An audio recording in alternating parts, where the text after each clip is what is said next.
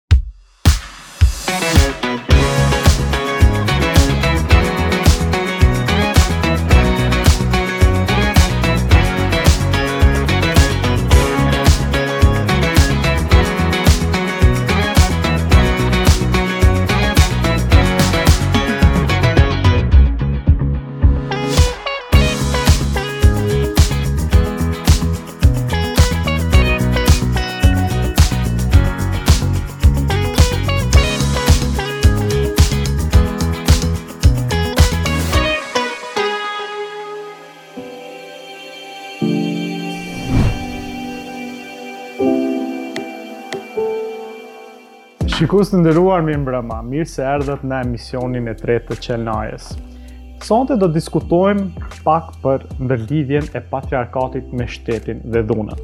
Meqë shpeshherë ne e konceptojmë dhe shpjegojmë patriarkatin si një nocion të thjeshtë dhe linear, sonte së bashku me misafirin tonë në studio, Visar Ymerin, do të përpiqemi që të bëjmë një shpjegim Në lidhje me, le të themi ashtu, ndërthurjen kompleksive që patriarkati ka me shtetin dhe dhunën.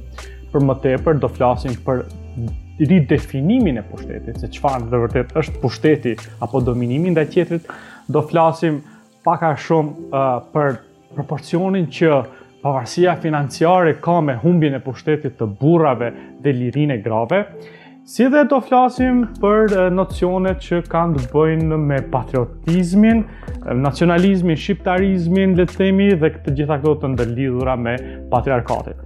Do flasim pak edhe për lëvizjet e mëdha ekonomike dhe lirinë e shfrenuar që kjo neve na jep një pushtet të caktuar. Të gjitha këto sonte me misafirin tonë, Visar Ymeri. Na ndiqni.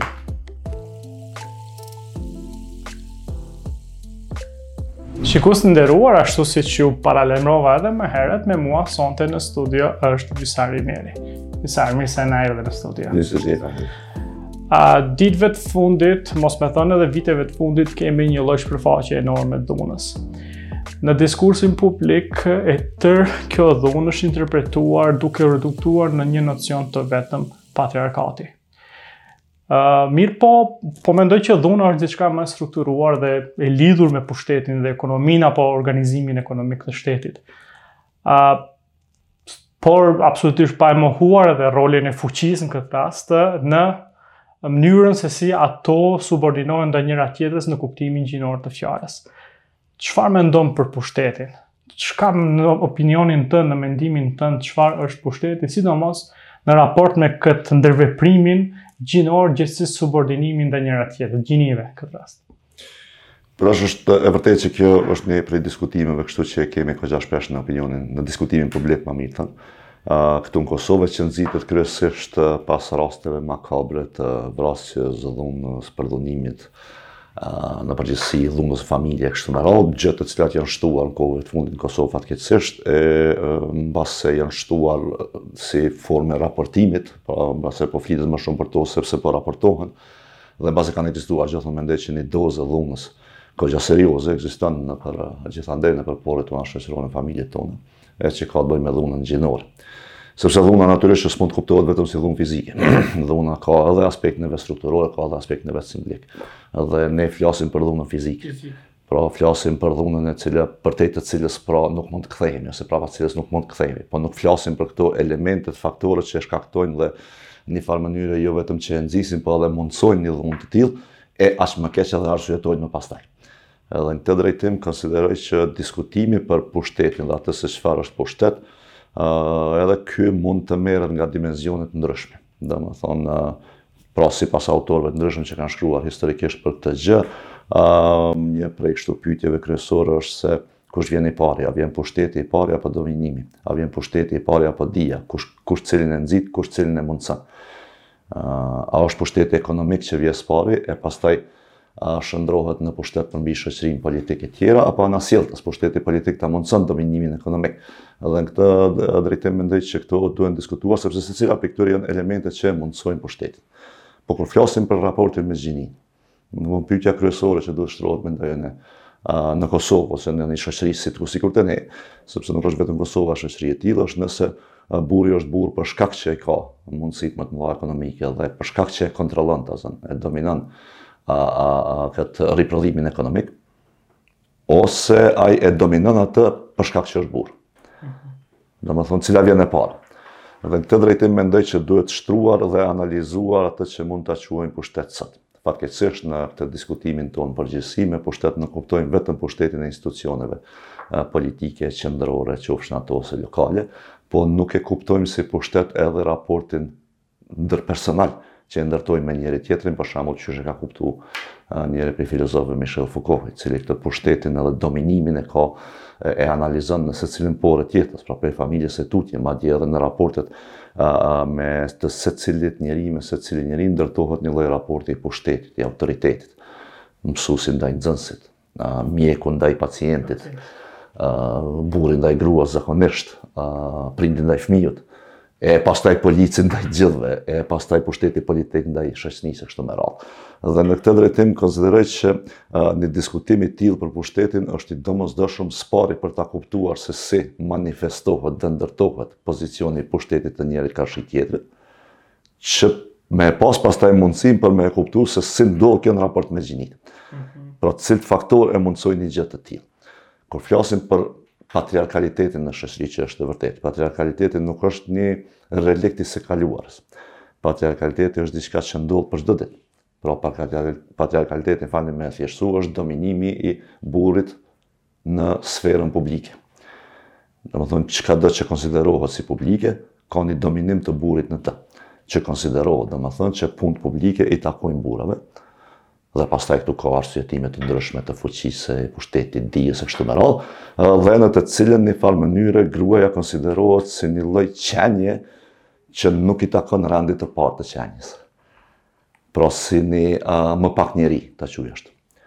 Siç e thotë për shembull Hannah Arendt në situatën e Gjermanisë naciste, ku ta zënë krimin ndaj Holokaustit, pra krimin ndaj hebrenjve që është kryer atje, nuk ka mujt me u kry pa i zhvesh një herë nga qytetaria dhe nga njerëzia hebrenjtë, pra pa i konsideru si qenie më të ulët. Dhe pastaj mund të kryhet një krim i tillë. E unë mendoj që ka elemente të tilla në mendimin patriarkal, që shpërfaqet edhe në Kosovë. Pra një herë gruaja zhveshet nga subjektiviteti i saj, njerëzor, E pastaj dhuna ndaj saj bëhet legjitime. Ka një lloj dehumanizimi. Domethënë, jo në këtë kuptimin kështu kaq brutal, siç po e them unë. Po, po, po ajo është brutale, e na brutalitetin fatkeqësisht e shohim vetëm në shpërfaqjet e dhunshme të saj. Për shembull, kur vrahet uh, Hamidja, kur vrahet uh, kjo mësuesja nga burri i vet, kur uh, kemi dhunë në familje, kur përdhunohet vajza njëmbëdhjetëvjeçare, kështu me radhë, atëherë ne e shohim se si kjo logjikë e dehumanizimit në njërën anë dhe dominimit në anën tjetër të burrit ndaj gruas, se si e shndërron gruan në objekt, i cili pastaj është objekt i përdorueshëm. Dhe në këtë drejtim konsideroj që kur flasim për këtë gjë, ky është ai pushteti të cilin ne e ndërtojmë Sipas tipareve tona tradicionale, kulturore dhe të them kështu, mënyrës së përgjithshme të të menduarit që e kemi për veten si burra dhe në anën tjetër për tjetrin si grua.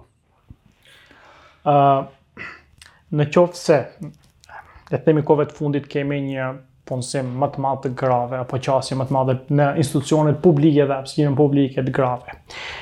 Vizavi në anën tjetër në një proporcion të drejtë, kemi edhe një lloj lloj rritje të dhunës ndaj grave. Domethënë, nëse shohim tash në këtë paralele, po aq sa po rritet liria e gruas, Kemi edhe një lloj liria ekonomike në këtë rast e gruas, kemi edhe një lloj humbje të pushtetit burrit. A do të thotë që pavarësimi ekonomik i gruas e çburnon burrin apo i heq atij dominancën ndaj gruas? E çburnon një lloj të burrit. Një lloj të burrit. Edhe shumë mirë që e çburnon. Ë, po mendoj që edhe kur flasim për burrnin, edhe kur flasim për gruan, pra edhe për burrin, për gruan të dyja këto janë një lloj kështu konstrukti ideologjiko-shoqëror, e asnjëri prej tyre nuk është si me thonë plusi, kundër minusit, sepse mendoj që kjo është një prej kështu tipareve shqetësuese, mbase edhe të shoqërive si na, ky lloj leximi i realitetit shoqëror përmes dikotomisë mirë keq, ose natë ditë. Po. Ato janë tipare kryesisht antropologjike, domethënë, po jo për një shoqëri moderne, shoqëria moderne është kompleks, dhe organizimi i saj është kompleks edhe mendoj që analizimi i saj duhet të jetë kompleks. pra shumë faktorë në mënyra të ndryshme.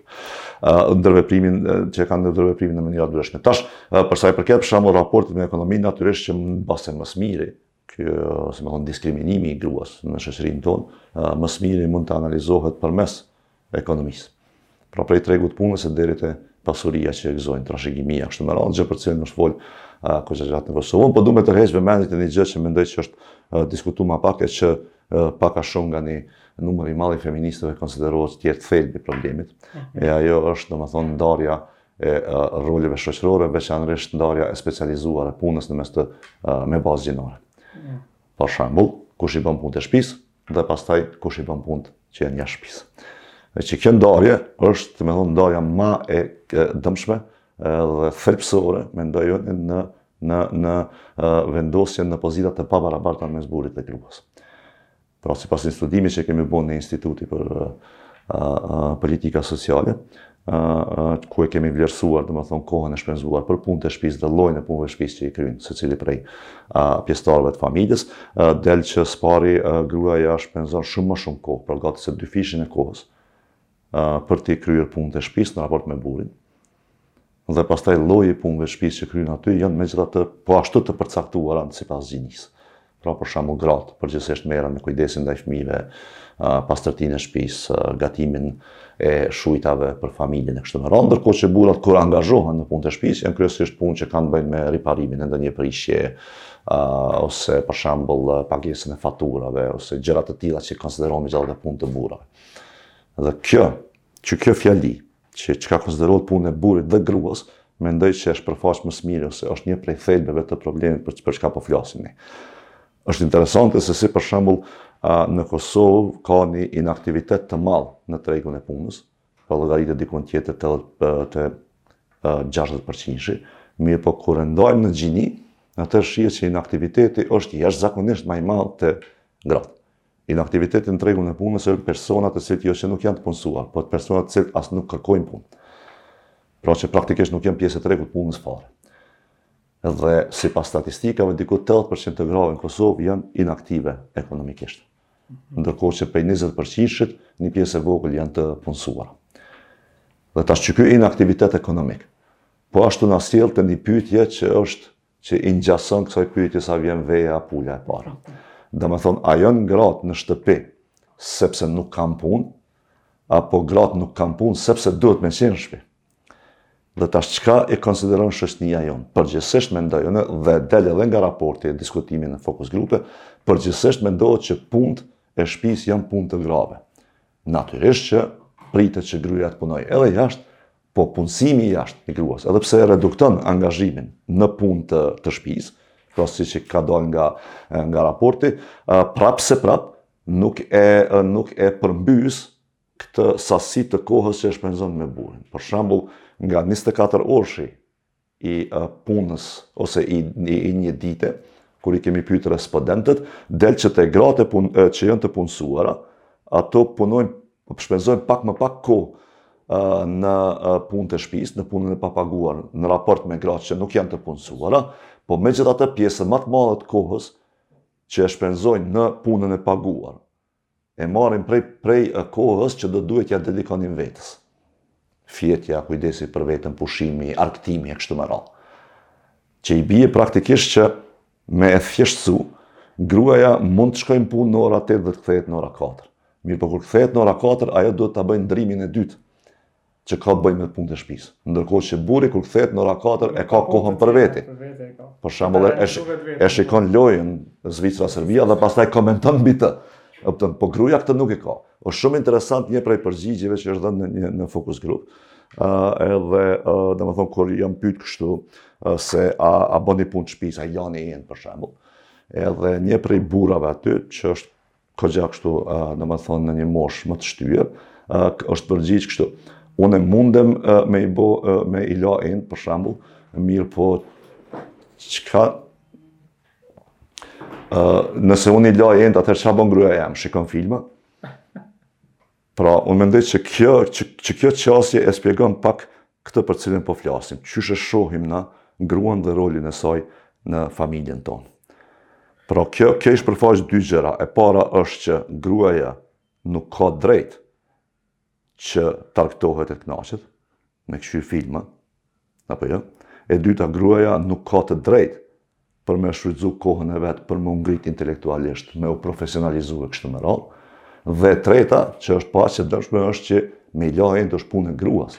Nëse unë i laj enët unë po i ndihmoj asaj, nuk po e kryj detyrën teme. Po, po, në, në kitë mënyrë, ashtu që automatike edhe të, në thonë, dhe që është të ndërsyër, e ku E nënkuptueshme duhet me qenë kjo se koha e lirë edhe për realizim personal i takon veç burrit. Por koha e lirë e gruas është në shërbim të realizimit të burrit. Me, me gjithatë. Familjes në përgjithësi edhe të burrit. Mirëpo tash, pse është kjo e ndërlidhur me temën që e, e shtjelluam në fillim? Unë mendoj që kjo është e ndërlidhur sepse pikërisht ky është qaj raport i pushtetit që ndërtohet brenda një familje. Pra në një qasje të tillë, Dhe mos më keqkuptoni, nuk po thom që të gjithë burrat janë ë ë ë domethonë vrastarë ose dhunues. Veç duhet me kuptu që edhe që kjo mënyrë e të menduarit ka elemente dhune në të. Potencialisht po të gjithë burrat. Ka, ka elemente të dhunës simbolike për shembull. Pse është kjo dhunë simbolike? Sepse ti e konsideron që meqë këto janë punë të dedikuara për gruan, Është përgjegjësi e saj. Që i bie përgjegjësi e saj është për me u nënshtru në familje, me i kry punët të cilat na shërbejnë neve ose mu si burrë, për shembull në këtë rast në vetërealizimin tim. Që i bie që nëse gruaja nuk pranon me e bo një gjë të tillë, sepse është e punësuar, sepse do me ndjek karrierën e vet, sepse ku ta di unë, ka me dalë me shoqe ose me dikon, ka me shku në kinema e kështu me radhë, ajo i bie që nuk po e kryen rolin e vet, pra nuk po më dëgjon mua si burrë.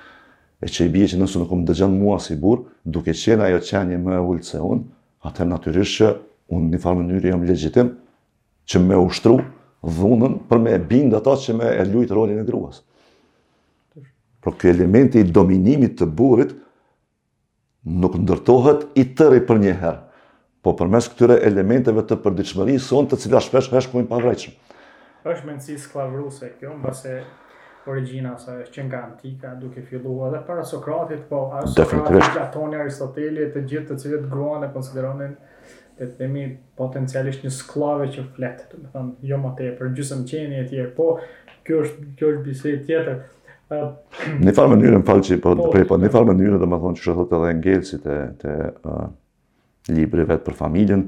Në fakt, kjo ndarje ka fillu që prej shoqërive primitive, domethënë prej momentit kur ka fillu akumulimi i pasurisë. Domethënë, për sa kohë që shoqëritë kanë qenë kështu kryesisht të bazuara në, në, në, në gjah dhe grumbullim, pra jo shoqëri që kultivojnë, atëherë ka ekzistu një farë barazije. Cila është, si me thonë kështu, barazi e paravedishme një farë mënyre që thotë Hegeli, po me fillimin e akumulimit të, të pasurisë, pra kanë fillu edhe këto rolet ose ndarja e punës me u theksu në shoqëri, ndarja e parë e punës ka qenë ndarja në mes punës së burrit dhe gruas. Po kjo vjen e para. Pastaj natyrisht që në secilën punë ka specializime dhe nënndarje. Po ndarja e parë dhe kryesore që po vazhdon edhe sot me kaq forcë është ajo në mes cilat janë punët e gruas dhe cilat janë punët e burrit. Çka është burrnia toksike?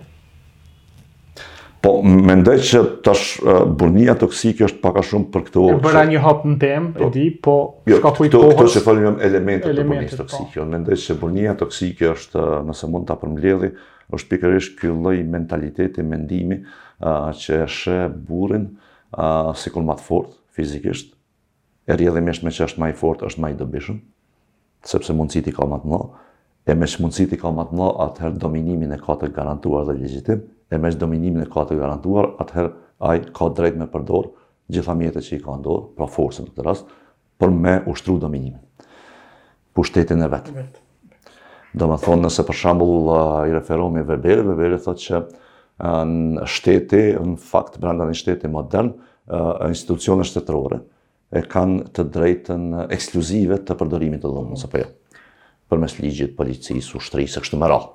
E tash në familje, me të njëjtën mënyrë të menduarit, burri është ai i cili e gëzon të drejtën ekskluzive të përdorimit të forcës, të dhunës. Ajo thënia e famshme edhe t'don edhe t'rreh, domethënë po. që është po. një farë mënyre legjitimimi i asaj që burri mundet me bë, po këto këto arkaizma. Po tash kjo kjo kjo burrnia toksike është pikërisht kjo. Domethënë që e sheh burrin që e gëzon disa të drejta më shumë sesa gruaja dhe që e sheh gruan megjithatë një qenie e cila nuk do duhej të fliste. E cila nuk do duhej të kishte zë. e cila nuk ka të drejtë me kundërshtu, e cila nuk ka të, nuk ka të drejtë me u kënaq, e cila është aty për me shërby.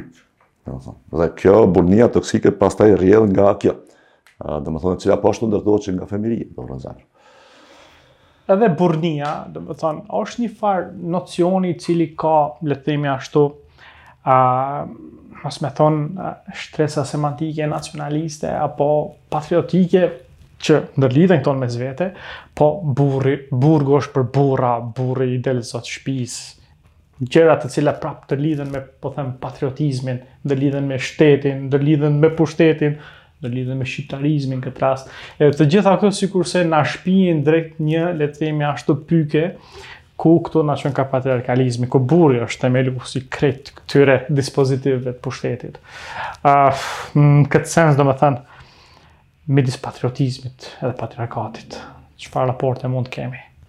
Apo me qenë shqiptar apo me qenë shqiptarist, me qenë patriot, a do të thotë edhe patriarkalist. Apo kemi nevojë për një redefinim të ri të shqiptarizmit në këtë rast? Po, tash unë mendoj që domethënë nacionalizmi në përgjithësi është i lidhur goxha me figurën e burrit ose me burrnin. Burrnin. Ëh. Hymni i shqiptarëve për shembull thotë kush është burr nuk frikohet. Domethënë çka nënkupton kjo? Kjo nënkupton domosdoshmërisht kjo e përcakton një rol të caktuar të asaj se çka quajmë burr. Po, po burri edhe trimëria duhet të jenë të ndërlidhur njëra me tjetrën. Po nuk je trim, nuk je as burr. I bie. Domethënë këtu gratë absolutisht janë të përjashtuara, jo, konsiderohet domosdoshmërisht që gruaja nuk është trimëreshë. Gruaja nuk është agjent që mund ta bartë ose që mund ta ketë trimërinë. Domethënë këtu nuk vihet nuk vihet as në diskutim nëse gruaja është trimëreshë. Gru, gratë që marrin pjesë në luftë, e që janë trimresha, e që e mbajnë familjen, ne i quajmë burrnesha, pra jo si gra. Po. Këpëtën. Domethënë, feminizu po, termin e burrit. Po, pra. Po. Domethënë, dhe, dhe, dhe, dhe në këtë drejtim, uh, mendoj që kjo, kjo është e tëra ajo që e ndërton, uh, si të themi kështu, figurën e shqiptarit dhe çka duhet të ishte shqiptari, ose që e ka ndërtuar historikisht domethënë. Tash nuk po du me gjyku, natyrisht që ka pas uh, në secilën prej këtyre momente uh, progresive, për shembull te ideja e kombit shqiptar, çka do të duhej të ishte shqiptari, që atëherë ka qenë në raport me fenë kryesisht, a, mirëpo çka mendoj unë që duhet të kuptojmë nga historia jonë, e veçanërisht nga rilindasit tanë, a, nuk është një kuptim statik i atyre çka janë thonë atëherë, se ato janë të asaj kohe. domethënë postulate për organizimin e shoqërisë në atë kohë, po dinamika edhe dinamizmi në mendim që e kanë përdorur ata. Qysh kombi shqiptar para së gjithash dhe mbi gjitha duhet të jetë modern, bashkohës. Dhe duke qenë bashkohës, kjo nënkupton një lloj dinamike të ripërtëritjes së identitetit për t'iu përshtat si me thonë standardeve më të mira të kohës. E është gabim me kuptu si statik edhe bukfalisht. dhe me marrë për shembull me e zbatu një ku ta di unë, në mënyrën e vet literale, një diçka që na kanë mësu rilindësit, e cila është megjithatë mësim për atë kohë, jo për tash. Mund të jemi të qartë, mund edhe me, me shikusit se po flasmi për teorinë e kombeve, këtë rast ku të gjitha teoritë e kombeve pak a shumë, po themi kështu janë patri nuk është fjala veç për ne shqiptarë. Të gjitha. Të gjitha në Ballkan që i kemi, pa përjashtim, të gjitha. Edhe nëpër botë, edhe nëpër botë, po. Po, qysh mujtë me qenë edhe shqiptar, po pa pas ngarkesa patriarkale, domethënë. Se te kët pjesë mbetëm, domethënë, si, si, kur po themë ridefinim, normalisht që shqiptarizmi, shqiptaria, tash mos hyjmë te kosovarizmi, qenit kosovar se kjo temë është temë tjetër, është është koncept fluid, është koncept dinamik, diçka që evoluon me kohën, siç e tha, dikur kanë ata rilindasit tanë kanë vepruar në ato rrethana, në në atë kontekst kohor, po tani sot po kërkohet diçka tjetër, edhe që shoqëria po ndërvepron, nuk po rrin rahat, domethënë. Ë po në shqip tash më mendoj për shembull që një prej vlerave ta quaj kështu, të tërë asaj që prej nga ne burojmë si ide politike, pra shqiptaria si ide politike, mbase ma e çmuara do të kishte me qenë fakti që shqiptarët që në ngjizje e kanë pa veten si një komb i cili është përtej fesë. Pra dhe ku është vlera këtu, po tentoj me bo një lloj kështu trajtimi nga pak edhe teorik, për mu, s'paku, vlera këtu nuk është domosdoshmërisht qysh kemi arrit me ndërtu një kështu aureolë, të them ashtu, të identitetit kombëtar i cili i, i, i ua mundëson feve të ndryshme me bashkëjetu me njëra tjetrën, po unë mendoj që këta duhet me e kuptu ma shumë si një lloj A a a ta them kështu a a mënyre ose mjeti analitik përmes të cilit ne e kuptojmë tjetrin. Pra kombi shqiptar që atëherë në kohën e rilindasve e ka shtru një tezë për mendimin tim shumë interesante e që është mënyra qysh e trajtojmë tjetrin që është i ndryshëm prej nesh. Mhm. Atëherë në raport mes feve, se atëherë ka qenë një prej diskutimeve shumë të mëdha, mos harrojmë çështja e identifikimit fetar. Pra te shqiptarët po edhe te kombet tjera, ë veçanërisht në rajon, për shembull, secili komb në rajon është monofetar me përjashtim të të shqiptarëve. Kjo vjen nga Osmanët, nga që ishim të ndarë në milet. Po po, është një lloj kështu, mos ta quaj tolerancë, por është një lloj bashkëjetese me të ndryshëm. Edhe një lloj kështu inkurajimi i të bashkëjetuarit me të ndryshme, me tjetrin e ndryshëm. Pra ne kemi thënë që për shembull dikush mund ta ketë emrin Koço, tjetri mund ta ketë Muhamet e ai i treti mund ta ketë Gjergj, po ne jemi një. Dhe në këtë drejtim konsideroj që kjo mund të përdoret sikur një lloj thjerëze ideologjike, e cila mund ta shpjegojë atë se çka do duhej të ishte shqiptari sot, për shembull në raport me gjinitë e ndryshme, për shembull në raport me pakicat etnike, për shembull në raport me grupet e ndryshme shoqërore dhe, dhe grupet ose njerëzit me orientime të ndryshme seksuale. Pra tjetri pranohet dhe bashkëjeton me to përkundër dallimeve që i keni. Që nuk është historia e shumë kombeve tjera, të cilët ata me cilët kanë pas dallime fetare në atë kohë, nuk i kanë lon me jetu. Te shqiptarët na jemi bo bashkë. Dhe tash kemi ardhë në një pikë ku nuk po i lojmë me jetu ato që ne i konsiderojmë ndryshme dhe më të ulta se ne. Gratë në këtë rast. E tash kjo sjellje mu nuk më duket që është në përputhje me atë postulat kombëtar atëherë. Gjithsesi duhet me pas parasysh po ashtu edhe një gjë tjetër që na megjithatë jetojmë në një kohë kur ky identifikimi dhe identiteti ka fituar një lloj fluiditeti të caktuar. Domethënë nuk është më i përjetuar e as i kuptuar me statizmin që e ka pas në kohën kur po flasim. Por sot të qenit shqiptar është një çështje e vendimit gati se të përditshëm të individit. Absolutisht. Dhe një ditë mundesh me vendos që je shqiptar, ditën tjetër ndoshta edhe nuk vendos që je shqiptar. Një tjetër. Dhe ne sot ballafaqohemi në jetën tonë moderne me identitete të shumta. Prej, si me thonë, atij gjeografik e deri te ai profesional. Për shembull, ata që luajnë basketboll kanë identitetin ta zëmë kombëtar shqiptar, ose mund ta kenë kosovar, çrëndësi ka. Po ata identifikohen edhe për shkak të pasionit të përbashkët që e kanë, që është basketbolli. Në anën tjetër ekonomistët e kanë njëjtën gjë, në anën tjetër filozofët e kanë njëjtën gjë, ose sociologët e kanë njëjtën gjë. Kështu që në këtë drejtim konsideroj që të gjitha këto duhet merren parasysh Edhe mendoj që ajo që do të duhej të ishte shqiptari i sotëm, natyrisht nuk kam përgjigje definitive për këtë, por mendoj që e kemi si detyrë në një farë mënyre që të fillojmë edhe të shtrojmë pyetje, të cilat pastaj edhe do të gjejmë përgjigje. Fatkeqësia në në në në këtë vend është që këtu nuk e kemi diskutu asnjëherë këtë me një lloj të them kështu së qëndrimi të relaksuar, sepse diskutimi për a ka shqiptar edhe a ka kosovar për shembull në Kosovë, gjithnjë është përcjellë me një lloj diskutimi në mes të patriotizmit edhe nacionalizmit që duhet të jetë dhe tradhtarëve në anën tjetër.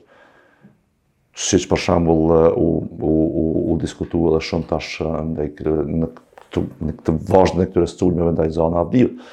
domethënë një, një, një, një shumicë dërrmuese e këtyre a, a, kritikëve ndaj saj, ose sulmuesve, të mos i themi kritikë, se s'ishin kritika, a, në fakt e vënin në këtë, e vënin në pikëpyetje nëse kjo ka gjak shqiptar. Tradhtinë ndaj kombit, domethënë. Më në fle flisnin për gjak shqiptari. Shqiptari, ajo si. Po. Domethënë, ne kemi mrri deri në një pikë, ku identitetin kombëtar e kemi biologjizu. Ne mendojmë që shqiptari është ADN, gjak dhe racë e veçantë. Edhe kemi një lloj vetlegjitimimi për ta gjyku tjetrin për tradhti kombëtare. Domethënë, kjo është një farë gjykimi publik se ti e ke tradhtu kombin. Po kjo është kjo që më duhet. Këtë të drejtë e gëzojmë secili individualisht. Po, absolutisht po. Të kalojmë pak te lëvizjet ekonomike, në fakt dua të flas pak për ndërlidhjen e siç e quan ti neoliberalizmi, po them liberalizmi, patriarkatit dhe dhunës, domethënë, ku akumulimi i pasurisë krijon një lloj lirie dhe kjo liri, apo ky shtegtimi për liri që mund të jetë kështu i pafund, të krijojë një lloj themi shkallësie te ti për të marrë, për ta patur pushtetin e pakufishëm fundja. Ça kontrolli duhet të ketë neoliberalizmi në këtë sens në qoftë se e determinon dhe e shtyn e ndërsen përpara dhunën? Përshëndet, është diskutimi kryesor mendoj unë që është në mes të politikave që mund të quhen ose ideologjive që mund të quhen të majta dhe nuk po flas për kështu komunizmin e këto, po ma shumë të një lloj socialdemokracie ose demokracie sociale, që është ma e shprehur sot nëpër botën perëndimore, dhe asaj që mund të quhet perspektivë neoliberale mbi drejtimin e shtetit dhe shoqnisë është është e, e para, dallimi i parë është nëse shoqëria ekziston dhe nëse ajo është e nevojshme. Pra neve të gjithëve na kujtohet besoj ose e kemi dëgju ose lexu varësisht moshës që e kemi, kur Margaret Thatcher, një prej pishtareve të neoliberalizmit, në si kryeministre e Britanisë së Madhe, në Mbretërisë së Bashkuar në fakt, ajo thotë që shoqëria në njëfarë mënyre po e parafrazoj shoqëria jo që nuk ekziston, pa po ajo është e pamundshme. Pra çka kemi është vetëm individë dhe shumësi vullnetesh individuale.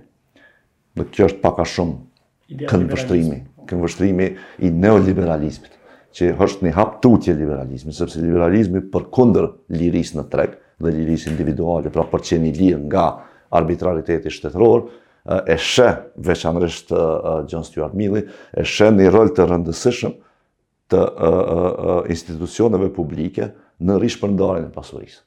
Pra ajo thotë që për shembull kjo teori thotë që tregu është shumë i mirë dhe duhet të jetë i lirë për me kriju pasurinë, por pastaj kur vjen te rishpërndarja, tregu mund të jetë brutalisht i pabarabartë. Po. Prandaj na duhet mekanizma shtesë të cilët sigurohen që kemi një ridistribuim më të drejtë.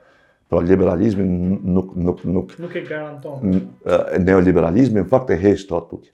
Sepse thotë që liria e e plotë ia mundëson secilit formalisht që me pa, me me me pas mundësinë me ndjek pasurinë, lumturinë edhe një jetë më të mirë.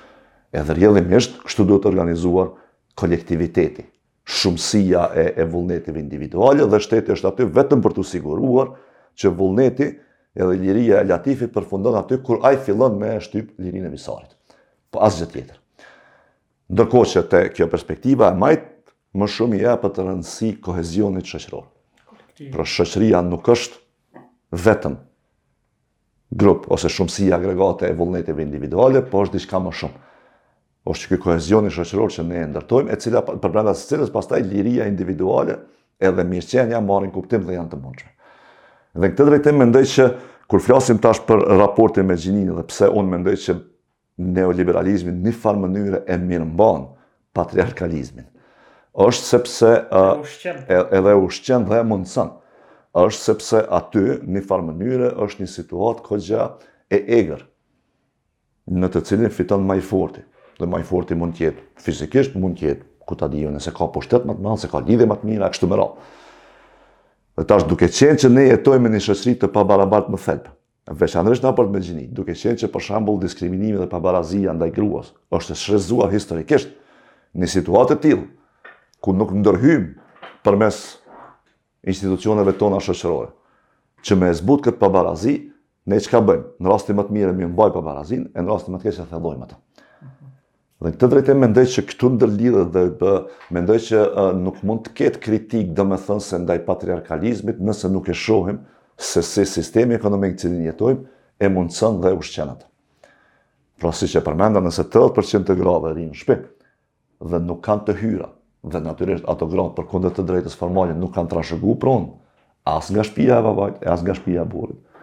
Atëherë këtu natyrisht që kanë një pozitë të pabarabartë në treg. Dhe çka thotë neoliberalizmi thotë shanset i kanë gjithë të barabarta, po shanset i kanë, po mundësitë jo. Dhe tash, çka duhet me bo në këtë drejtim mendoj unë, është që duhet të ndërtojmë mekanizma në cilën sigurohemi që jo vetëm shanset t'i kemi të barabarta, ajo po se po, po që të sigurohemi që dhe në rezultate të jemi, dalim, dalim barabarësisht. Dhe të ndërhyjmë përmes mekanizmave edhe institucionale shoqërorë, në mënyrë që padrejtësitë dhe pabarazitë e shtresuara historikisht, shkojmë duke i reduktu edhe duke i, si të them kështu, duke i, i, i evitu, gradualisht natyrisht. Dhe në këtë drejtim konsideroj që për shembull ka një ndërlidhje do të thosha goxha të fuqishme në mënyrën e të menduarit në mes të shefit të korporatës edhe kreut të familjes në shekullin 18. Në mënyrën qysh i shohin ata vartësit e tyre. Koxha shumë sikur mjete që duhet t'i shërbejnë të mirës së përgjithshme e mira e përgjithshme trupëzohet në të, sesa sikur agjentë dhe subjekte shoqërore të cilat kanë të drejta edhe nevoja të caktuara. Misar, me, me ty do të kisha dashtë shumë ma tepër të bëjmë debat, po uh, diskutim, po e kemi kalu kohën, po për fund një pytje për ta rrumbullaksu bisedën tonë. Kritika feministe ndaj patriarkatit, a është kritikë për rrënimin e shtetit, rrënimin e strukturës, edhe gjithçka që mund uh, të kuptohet si piramidë e strukturimit në ndikimin tonë shoqnor. Uh, tash, Duhet po ashtu me potencu që ka lloje të ndryshme të feminizmit. Po, domethënë feminizmi i takon edhe ideologjisë liberale, edhe ideologjisë neoliberale, edhe radikal, po, radikal, edhe marksist, domethënë feministet i takojnë gjitha ngjyrave po, ideologjike. Po këtu priten diku në këtë Okej, le të. Po tash aty aty edhe dallojnë në ato se çka, domethënë çka, çka do të konsideronte një feministe ë barazi të plotësuar gjinore, dallon edhe prej ideologjisë së cilës i takon. Nëse një feministe liberale do të kërkonte për barazi forcash, një feministe e majtë do të kërkonte ose radikale përmbysje forcash. Le të. Tash kjo është kjo është pyetja për shembull që uh, uh, një prej pyetjeve kështu që është shtru koxha shumë gjatë viteve 60 do të thosha në Paris, Në që ka qenë një prej kështu kryeqendrave të diskutimit teorik e filozofik nga perspektiva të ndryshme ideologjike, domethënë kritika që i bëhet feminizmit liberal, është që kur feminizmi liberal kërkon barazi me burrin, pytja që duhet shtrohet me cilin burrë. Cilës shtresë? Domethënë me burrin të shtresës së lartë, apo me burrin të shtresës së Se tash për shembull ti ke, natyrisht që përbrenda secilës familje ta zëmë gruaja është ma e pabarabartë se burri, në secilin aspekt. Mirëpo nëse e shohim nga perspektiva e të ardhurave e pasurisë që ka që komandon pushtetin dhe autoritetin në publik, një grua nga shtresat e larta, në një shoqëri të ndarë në shtresa, është shumë ma e fuqishme se një burrë nga shtresat e ulëta. Kupton, domethënë, këtu nuk po flasim tash për këtu mjegullohet dallimi gjinor, sepse ajo përzihet pastaj me dallimin klasor.